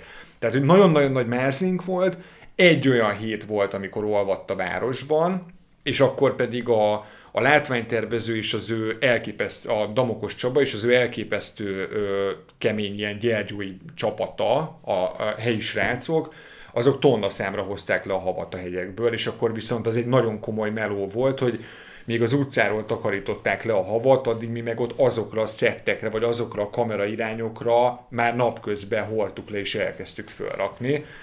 A... én helyiként dühös lennék, ha azt látom, hogy idegen emberek az utcámra havat hordanak. Szerintem akkor már értették. Én azt hittem, hogy hülyének fognak minket nézni, de akkor már értették a, a dolgot. Úgyhogy akkor biztos, hogy komplet hülyének néztek minket, amikor a, volt egy helyzet, amikor az iskolát vissza kellett festeni a múltba, és van egy rózsaszín épületegység, amit visszafestettünk, mert egész egyszerűen a jelenben már egy ilyen nagyon kopott állapotban volt, és a múltban pedig szükség volt arra, hogy frissnek hasson a Ceausescu érában, ez a fantasztikus rózsaszín szín, és és azt például konkrétan mínusz 20 fokban festették ki a gyergyói srácok, ami azt jelentette, hogy tulajdonképpen ahogy a Pemzis vödörből kiemelte a festéket az ecsettel, és már kente volna fel a falra, már oda fagyott, és akkor ott történt egy olyan eset, amit a srácok meséltek, hogy az egyik ilyen helyi idős asszony, ott elsétált az iskolánál, és uh, keresztet, lefotózta őket, keresztet vetett, és aztán meg jó szerencsét kívánt, mert látta, hogy itt a srácok azok nem százasok valószínűleg. Amúgy amikor egy ilyen forgatócsoport megjelenik egy ilyen zárt közösségben, akkor nektek így be kell jelentkezni a helyi erős emberné, hogy ti most itt lesztek? Ugye a filmben ugye, ugye Vlad, kb. a legnagyobb tekintélyű a, film, a Balamba, hogy Balambányának a Vlad megfelelőjénél neked kellett megjelenni? Természetesen megjelentünk nála, Vajda, úgy hívják a, az úriembert, ő üzemelteti ezt a diszkót, és még amúgy nagyon sok ilyen, ilyen egyéb ilyen tevékenységet folytat a városban, mit tudom én, ilyen valami, valamilyen textilüzemben, meg. Tehát, hogy ő, ő ott az egyik góré, és amikor előzetesen föltérképeztem a város, akkor tudtam, hogy ez az egyik opcionális hely, ahol a diszkó jelentet le tudjuk forgatni. Fölkerestük Vajdát, és, és akkor vele, hát tulajdonképpen a Kántor Lacinak így, ahogy mondjam, a helyismerete és az emberismerete, meg a román nyelv tudása az ilyenkor elképesztően, tényleg elképesztően jól meg tud oldani ilyen helyzeteket. Bementünk, tulajdonképpen ő beült, mármint a Laci, beült egyedül a kocsmába, Belpultos kérdezte, hogy mit akar, Azt hiszem, hogy a bárpultos az, az románul beszélt a Lacival, a Laci elmondta, hogy igazából a főnökkel akar beszélni, a Vajda mindezt már látta otthon a kameráján keresztül, hogy a bárpult ugye be van kamerázva, és akkor a Lacihoz oda, oda jött a Vajda, a Laci elkezdte őt puhítani, és aztán leültünk együtt beszélni így magáról a filmről, és a, a Vajda teljes mértékben így mellénk át. Tehát azt mondta, hogy, hogy vihetjük a helyet, segít majd leszervezni a helyi fiatalokat. Például a ponyvás teherautó a filmben, ami, ami ott a hegyen van a film elején, például az övé, tehát hogy egy csomó ilyen dologban segített nekünk és ő utalt arra a, a beszélgetésünk során, hogy megkérdezte, hogy miről szól ez a történet, és akkor elmondtuk, hogy ez a történet ez arról szól, hogy hogy lányokat visznek Brassóba így ebből a régióból, és akkor mondta, hogy hát, hogy ez itt így van. Tehát, hogy ez itt ebben a, ne, te nem feltétlenül Balánbányán, de hogy itt ebben a régióban, vagy itt a közelben ez egy létező probléma, és tulajdonképpen ezt kiírta, tudod, és akkor egy ilyen, a helyi csávó, hogy egyszer csak így, így ránéz, és akkor mondtam, hogy én, és akkor tudod, egy pillanat, hogy végigmért, jó, hát akkor tiétek a diszkó. És akkor azt már így magyarul mondta, hogy így akkor, akkor vihetjük a helyet. Kántor Laciban, mint producerben, tehát hogy nem csak az, hogy a filmnek a finanszírozását teremtette meg, vagy segített abban, hogy autentikus legyen maga a sztori, mert ugye a forgatókönyvben ő is sokat segített a munkatársaimon kívül, hanem az, hogy egész egyszerűen ez egy, tehát hogy ide, ide nem mehetsz be Balánbányára ezzel a úgymond pesti szemlélettel. Hát én, vagy, igen, ezzel a, én vagyok a filmes Jani, és akkor itt jöttem, hogy akkor itt izé, na akkor mi mennyibe kerül, vagy hogy van ez a város, hanem hogy ő pontosan a saját ilyen emberismerete, meg ilyen élettapasztalata alapján ezekben a helyzetekben nagyon-nagyon profin tud jól működni, és tulajdonképpen a helyiek nagy része az tényleg a magáénak érezte ezt a filmet, a részben ugye a, a Lacival való beszélgetések alapján, részben meg amiatt, hogy ugye a, a stábot egy idő után befogadták. És nekünk meg ugye ez azért, tehát nem csak a film miatt fontos ez a helyzet, hanem, hanem ez önmagában pszichésen egy nagyon-nagyon megterhelő dolog, hogy tulajdonképpen itt olyan stábtagok voltak, akik bevállalták azt, hogy adott esetben egy másfél hónapig távol a családjuktól, egy hermetikusan elzárt környezetben, ott forgassanak, de nem mindegy, hogy ezt, egy barátságos közegben teszed, vagy sem. Medvét láttatok? Én nem láttam medvét, talán valami medve nyomot láttam, van olyan stábtag, aki azt hiszem, hogy látott medvét, de meg, illetve volt ez a hír, hogy ez a reggel járt medve, nem tudom én melyik utcában, de én konkrétan nem láttam medvét. Hát igen, ugye Magyarországon most kb. ez a leggyakoribb hír, ami Erdélyből eljut, hogy ott láttak medvét, olyan autó ütött el medvét, olyan kukát fosztott ki, csak ezért kérdeztem majd. Igen, ez, ez ott egy elég komoly probléma, de minket még, még szerencsére ezeken az ilyen erdei, vagy az ilyen hegyi forratásokon is megkíméltek minket. A, amikor előkészítettük a filmet novemberben, akkor volt az, a garázsdan egy ilyen síppal járt a nyakába, valami medveriasztó síppal, aminél ott így mindig így, így röhögtem, hogy így hi ha de vicces, és aztán igazából tulajdonképpen így nagyon pontosan elmagyarázta, hogy hát hogy lehet ezzel röhögni, hogy nála van egy medvesív, de mi van, hogyha lesz egy ilyen helyzet, és igazából ennek így működnie kell, úgyhogy de szerencsére nem kerül sor. A filmnek szerintem van egy neurologikus pontja, amit meg szeretnék veled beszélni, a szex jelenet. Uh-huh. Én már többektől is ha- hallottam, hogy teljesen meglepődtek, és nem értették, hogy miért van. Arra gondoltam, akkor elmondod nekünk, hogy miért raktál bele egy szexjelentet a filmbe, hogy a fős is egyik márik szereplő, egy, egy helyi nő és a nyomozók között. És sokan nem értik. De ezt meg tudod magyarázni? Abszolút meg tudom, tehát, ne, tehát nem véletlenül pottyant oda, meg nem véletlenül uh, dolgoztunk Akkor több annál, mint hogy thriller, akkor legyen benne egy kis szex is, ma az jó. Nem, ez, ez nem erről szól. Vannak, akik látják ezt a szempontot benne, de ez egyáltalán ne, nem is a zsánerből, vagy az eladhatóságból, vagy, vagy ebből az egész dologból ered, hanem a számomra a Péter és a Lilla karakteréből ered, hogy ők ebben a történetben ott azon a ponton, amikor ők összecsattannak, tulajdonképpen egy olyan, mind a ketten egy olyan érzelmi fekete lyukban vannak, amiben, tehát nem ilyen módon, de én, én tehát hogy voltam már ilyen típusú vagy hasonló helyzetben, és nem az történt, mint ami velük konkrétan, csak tehát éreztem valami ilyen típusú érzelmi fekete lyukat már magamban, amire egész egyszerűen semmilyen más megoldás nincsen egy adott helyzetben, csak egy emberi érintés, vagy maga az, hogy egész egyszerűen ezt az érzelmi mélységet valahogy a szexualitáson keresztül tudod magadból kitolni és átfordítani. Hogyha ők nem csattannának össze ebben a történetben, itt ezen a ponton szerintem és nem is a, a dramaturgia vagy a forgatókönyv miatt, hanem az érzelmi állapotok miatt, amikor nagyon lent vannak, nagyon nagy, ki vannak zsigerelve, és igazából, tehát hogy megijednek egy adott helyzetben, akkor tulajdonképpen ez a film valahol nekem itt véget érne. E, tehát, hogy ők lógó béllel sírnának a sarokban, vagy a B verzió, amúgy jött, jött valami ilyen típusú közönségreakció, talán még Varsóban a, a fesztiválon, hogy hát hogy sokkal többet kellett volna beszélgetni ebben a filmben, hogy igazából ez a film lehetett volna fél órával még hosszabb, és hogy annyira jó lett volna, hogyha minden problémájukat így megbeszélik az emberek. Én akkor mondtam, hogy ez igazából az a terápia című sorozat lesz, ahol ez nagyon magas fokon megtörténik, nagyon magas szinten, a, a másik út az amúgy ez lehetett volna, hogy itt a Péter és a Lilla megbeszélik ezt a helyzetet, de a Péter az nem a szavak ember, az nem egy ilyen típusú csáv, ez nem fogja kibeszélni magából ezt a traumát, meg ezt a fájdalmat. Az a helyzet, hogy most nagyon leegyszerűsítve csak ki tudja magából dugni ezt a fájdalmat, tehát hogy, hogy a fizikalitás szintjén létezik, és csak így tudnak tovább menni.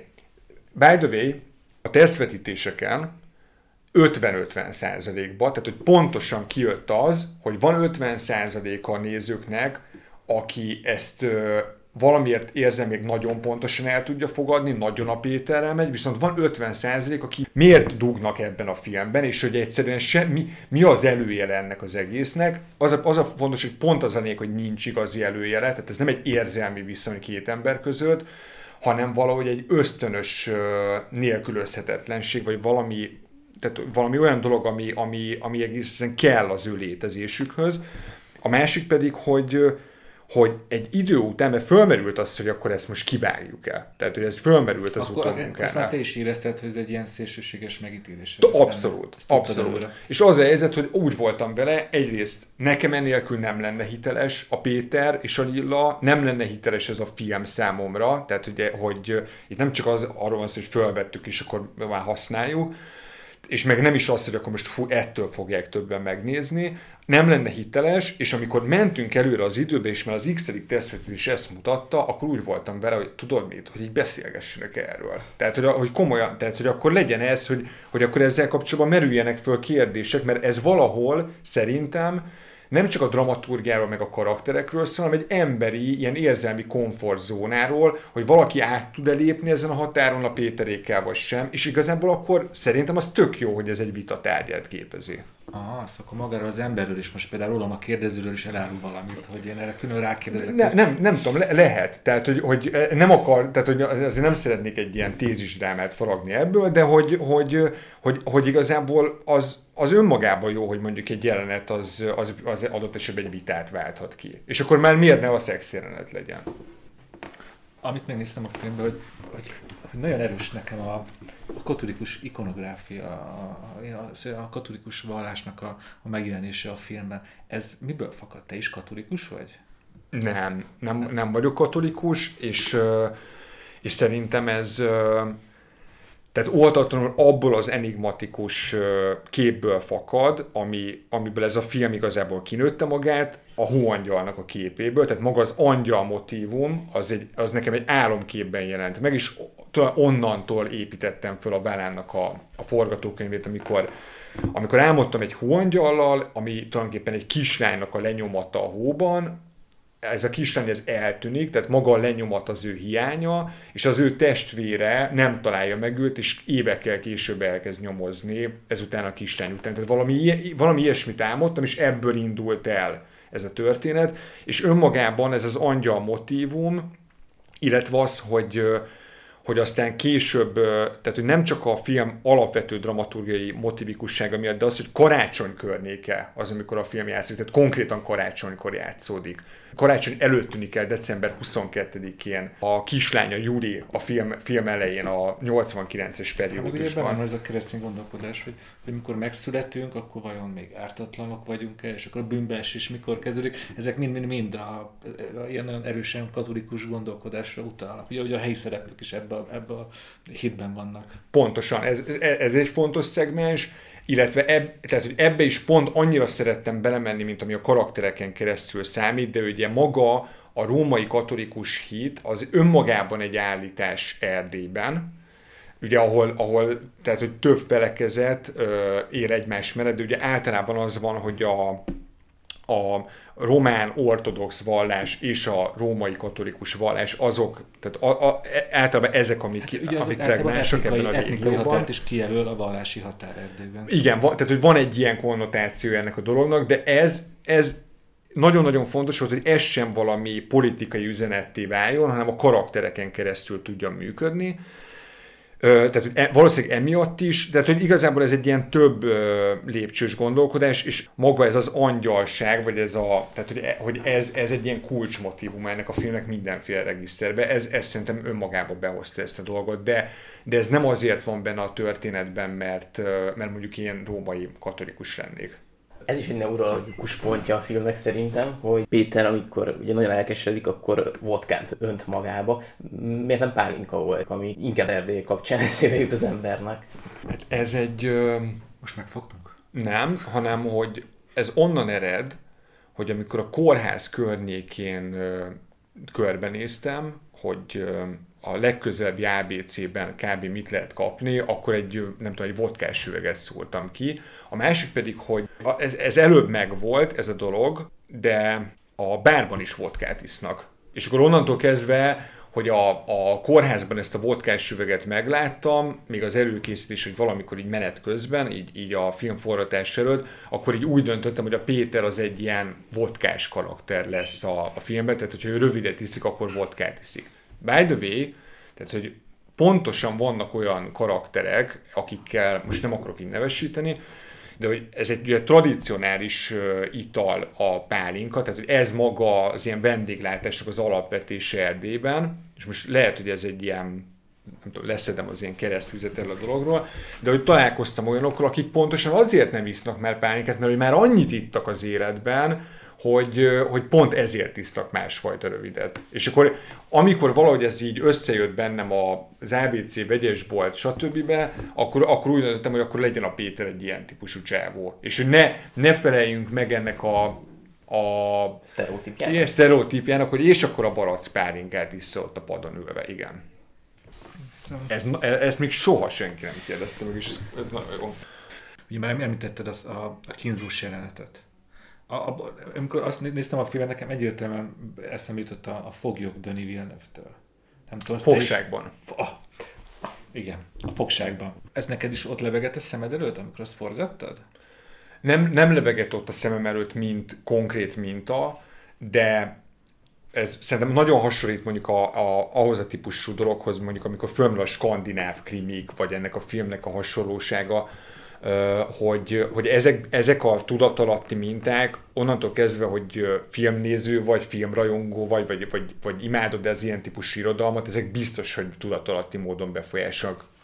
Nekem a fogságban, hogyha mondjuk így random mondani kéne kedvenc filmet, akkor az a kedvenc film, filmem, hogy benne van a top 3-ban. Tehát hogy ez biztos, hogy, hogy annak a hangulata, világa, tehát hogy az, az, ahogy a, abban a filmben maga a, a bűnügynek az izgalma és a fordulatai, és a három főszereplőnek a drámai ö, drámaisága összeér azon a történeten belül, az ilyen szempontból egy ilyen mestermű. Tehát, hogy, hogy biztos, hogy valami tudatalatti referenciaként működik, mert, mert tehát, hogyha megnézel valamit húszszor, akkor az biztos, hogy óvatatlanul befolyásolni fog. De egyáltalán egy, egy ilyen szigorú műfajnál, mint most hívjuk kriminek a, a valant, az eredetiség az itt szempont volt nálad, amikor írtad? Ez egy szempont lehet?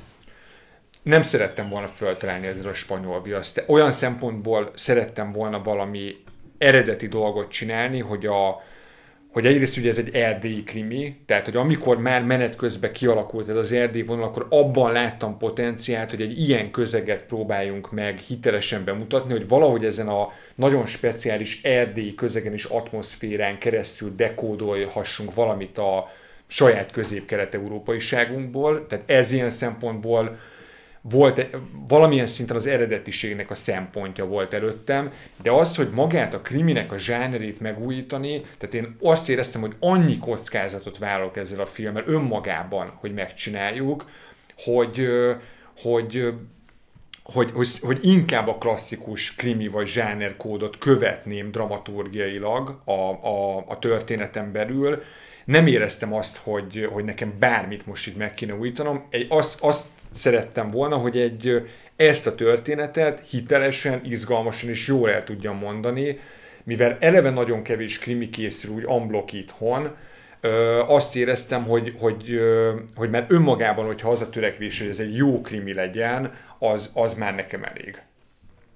Amúgy nem, nem tudom, hogy láttad, de egyszer, hogyha nem, akkor nézd meg a, van egy, egy régi olasz giallo, Ne zaklasd a kiskacsát, Fulcsitól, aminek nagyon hasonló a vége, mint a te filmed. Igen? Majd nézd meg. Pont ezzel gondolkozom, hogy én szerintem nem láttad. Én nem. Tippen, ez elég ilyen obskurus film. Szóval a krimiben szerintem annyira nehéz, akár csak teljesen új fordulatot is kitalálni. Ezen gondolkoztam, hogy az eredetiség az nem lehet szempont. Én, én azt éreztem, hogy nem az, és, és ráadásul az a legdurább, hogy ugye a, Ö, ti most nem is kérdeztetek rá meglepő módon, mert ugye minden interjúban fölmerül ez a skandináv krimi kérdés. Hát, de, most már hagytuk is. Igen, igen ez, ez, ez már annyira egy ilyen lerágott csont kvázi a, a Velánnal kapcsolatban, mint szempont, de hogy, hogy ugye a, tehát hogy nagyon-nagyon, mondok megint egy példát egy, egy közönség találkozóból, hogy ugye mindenki a Jönezbőt mondja, hogy, hogy ez Jönezbő, hogy, hogy itt a patternek meg az egész mintázat az igazából erre hajaz, és akkor az a durva, hogy, hogy igazából én például szeretem a Nezbőnek a világát, elképesztően filmszerűen ír, nagyon komoly fordulatokat és csavarokat tesz bele a történetbe, tényleg így hatszor megteker, de a legdurább az az volt, hogy volt egy olyan közönség találkozó, ahol jelentkezett egy hölgy, hogy én szeretem a skandináv krimiket, mert biztos, hogy szeretem. Igen, mondom, hogy nagyon szeretem, főleg irodalmi szinten olvasni, mert általában nekem ezek az adaptációk nem annyira jöttek be, főleg a hóember, arról, arról inkább ne beszéljünk, mert hogy, hogy őt az érdekelni, hogy mi, ki az a szerző, aki engem inspirált. És akkor mondtam neki, hogy nem biztos, hogy jól ejtem ki, Arnaldur Indridarsson, a, a szerző, egy izlandi krimíró, neki van egy, a Vérvonal című regény, amiből született már egy film, egy adaptáció, és mondtam neki, hogy, hogy igazából az Indridarsson világa az, ami engem inspirál, és azt mondta, hogy, és láttam, hogy így elkezd lobogni a tűz a szemébe, hogy igen, igen, és hogy melyik könyv, és mondtam neki, hogy, hogy nagyon-nagyon sok érzelmi inputot kaptam a Rókajuk című regénytől, a az Erlendőr nevű főszereplő nyomozó ebben a regényciklusban, egészen véletlenül, tehát hogy igazából így nem innen vettem, de hogy valami nagyon szépen összecsengető, az öccsét veszítette egy izlandi felvidéken, még nagyon-nagyon kiskorában, egy hóviharban, ilyen 5-6 évesen. És a rókajuk az igazából ezt a traumát tárja föl. És így azt mondta, hogy a rókajuk, és így lázas tekintettel így néz, hogy hogy egyszerűen tudta, hogy ez, mert hogy ő szerkeszti az indításon könyveket itthon, és egész egyszerűen annyira érezte azt a világot, vagy azt a, azt az atmoszférát a könyvön belül, meg a, tehát azt a fajta érzékenységet, hogy egész egyszerűen tudta. Tehát csak azt szerettem volna, hogy kimondjam, és hogy te óhatatlanul biztos, hogy ilyen tudatalatti módon befolyásol, de, de még, nem, tehát, hogy még nem is biztos, hogy a legnépszerűbb ilyen típusú írók, akik itthon az ilyen top nevek között benne vannak. Na most hadd legyek egy kicsit a pszichológusod. Te már megfejtetted magadban, hogy mi ez a, ez a hatalmas kattanás benned a krimik iránt? Mert már a kisfilmed is bűnügyi történet volt, krimiket írsz, krimiket olvasol, azért valaminek kell lenni valami személyes sok. Te ezt így tudod magadban?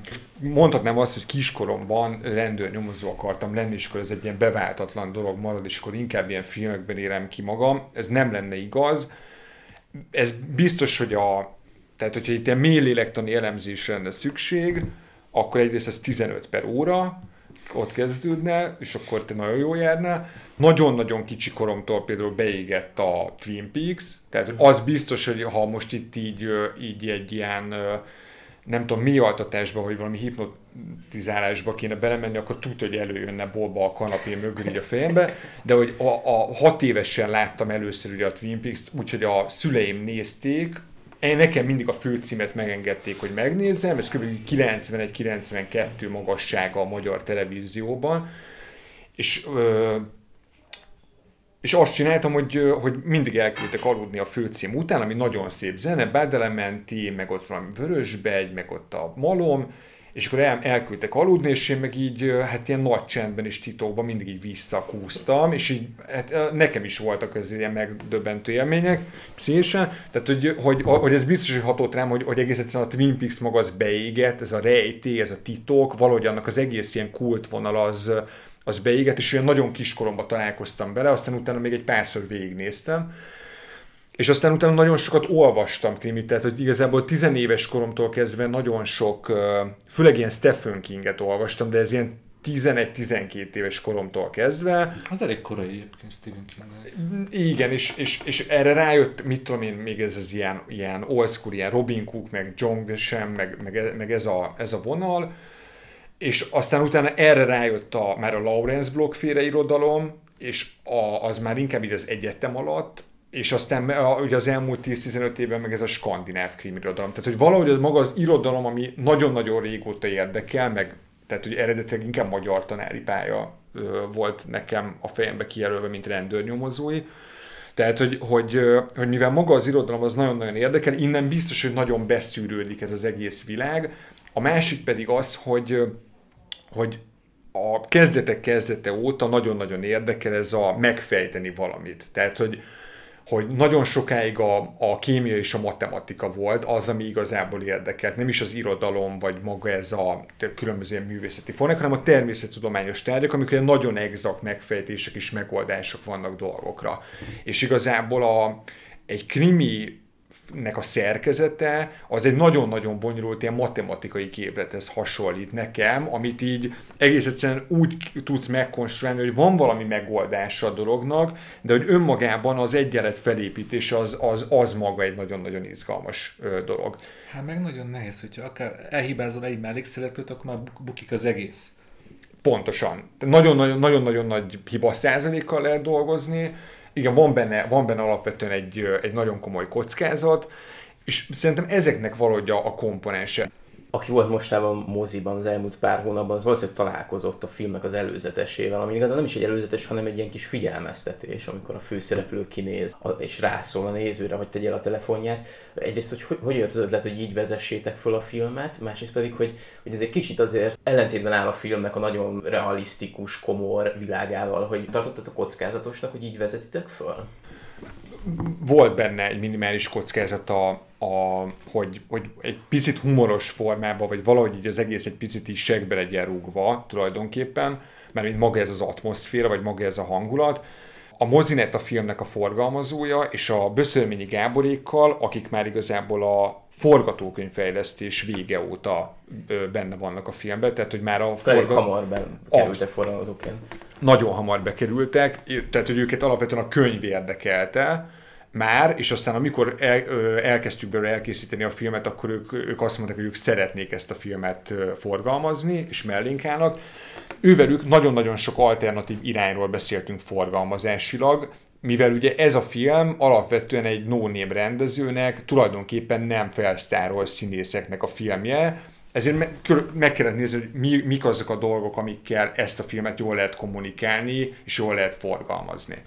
És a történetem, vagy az atmoszférán, meg a krimi zsáneren kívül például ugye egy központi motivum az előzetesekben is, meg a filmben is maga a telefon, a telefoncsörgés, és valahogy a beszélgetéseink során valahogy szóba került az, hogy, hogy mik azok a vizuális, vagy akár ilyen, ilyen hangzásbeli kulcs dolgok, amiken így el tudunk indulni, és szerintem azt mondom, hogy a Gábornak az ötlete volt az, hogy hát, hogy mennyire pregnáns a telefoncsörgés. Ugye ezzel indul majd a tréler is, hogy az anya hívja Pétert, hogy Valánban találtak egy testet, ráadásul ugye a Péter segítőtársa János üzemelteti ezt a lelkisegélyszolgálatot, ahova ugye telefonálnak, ilyen bajba jutottak, és hogy ennek a holdudvarában mi lenne, hogyha fölraknánk egy ilyen kampányt, hogy mi, mi az, amivel moziba tulajdonképpen így be lehet vezetni ezt a filmet, és valahogy a Gábornak megvolt ez az asszociációs lánc, hogy húzzuk rá ezt az egészet, egy ilyen kapcsolják ki a mobiltelefonjaik a spotra, és amikor ezt bedobta, akkor nagyon gyorsan összegyúrtuk az ötletet, végül nem, nem én forgattam le, hanem a, hanem a Csomasasi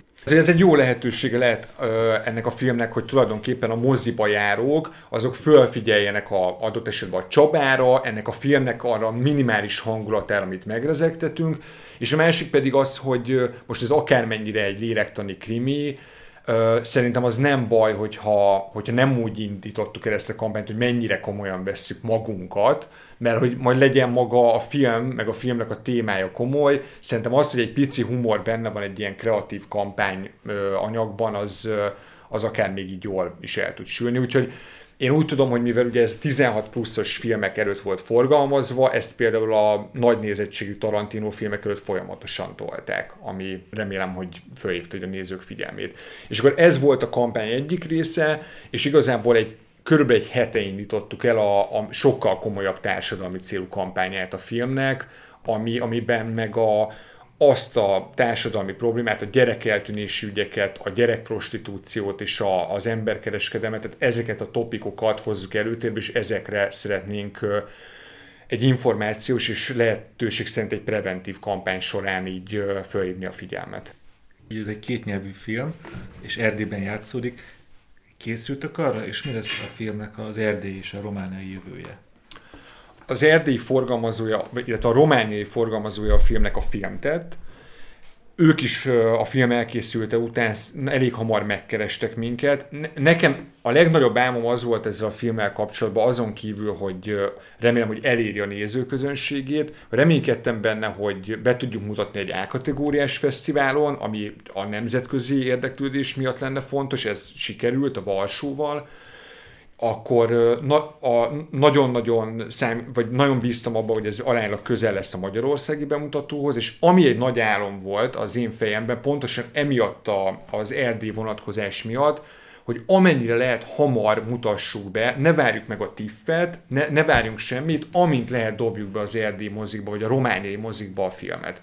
Úgyhogy a filmtet, filmtettel meg, megállapodtunk a, azzal kapcsolatban, hogy november 21 a magyarországi premier, és rákövetkező héten már az LD nagyvárosi mozikban be fogják mutatni, ott különböző díszbemutatók meg közönség találkozó keretében bevezetjük a, a, a filmet már így kicsit jobban a köztudatba, és, és az a filmtetnek a célja, hogy a nagyobb romániai városokba is bemutassák, tehát hogy megpróbáljuk elérni a, a román nyelvű közösséget is, a románokat is ezzel a filmmel. Én magam is kíváncsi vagyok arra, hogy ez mennyire tudja őket megmozgatni, hogy mennyire érzik valamennyire saját magukénak ezt a filmet, attól függetlenül, hogy egy, egy magyarországi rendező készítette. Én, én nagyon kíváncsi leszek a romániai visszajelzésekre. Én is. Tehát, hogy, hogy ez biztos, hogy test közelbe fogjuk tapasztalni kapásból a, díszbemutatók során. Én például most általában a, nagy regiszteren kívül, én önmagában kíváncsi vagyok például a, majd a balánbányaiak véleményére, ami tudom, egy szűkebb regiszter, de hogy a helyiek... Lesz különvetítés vagy bemutató helyben? Csíkszeredán lesz, és, és oda én úgy tudom, hogy a balánbányaiak ugye értesítve vannak, meg meg vannak hívva, tehát hogy önmagában arra kíváncsi vagyok, hogy, hogy például ők hogyan fognak rezonálni erre a történetre, de természetesen ugyanilyen kíváncsi vagyok arra, hogy általában ez, ez a történet, ez mondjuk, hogy, hogy a vállán az hogyan tud megállni a lábán, nem tudom, Brassóban vagy Bukarestben. De pont ez az, hogy Erdélyen kívül is, szóval én a kostancai meg a bukaresti román véleményre is kíváncsi. Pontosan, pontosan, az nagyon izgalmas kaland lesz így a, a, a film utóéletének a szempontjából, az biztos. Nagyon köszönjük, hogy eljöttél, és akkor sok sikert a film bemutatásához. Én köszönöm, hogy meghívtatok. Hello, hello, szia! Szervusz!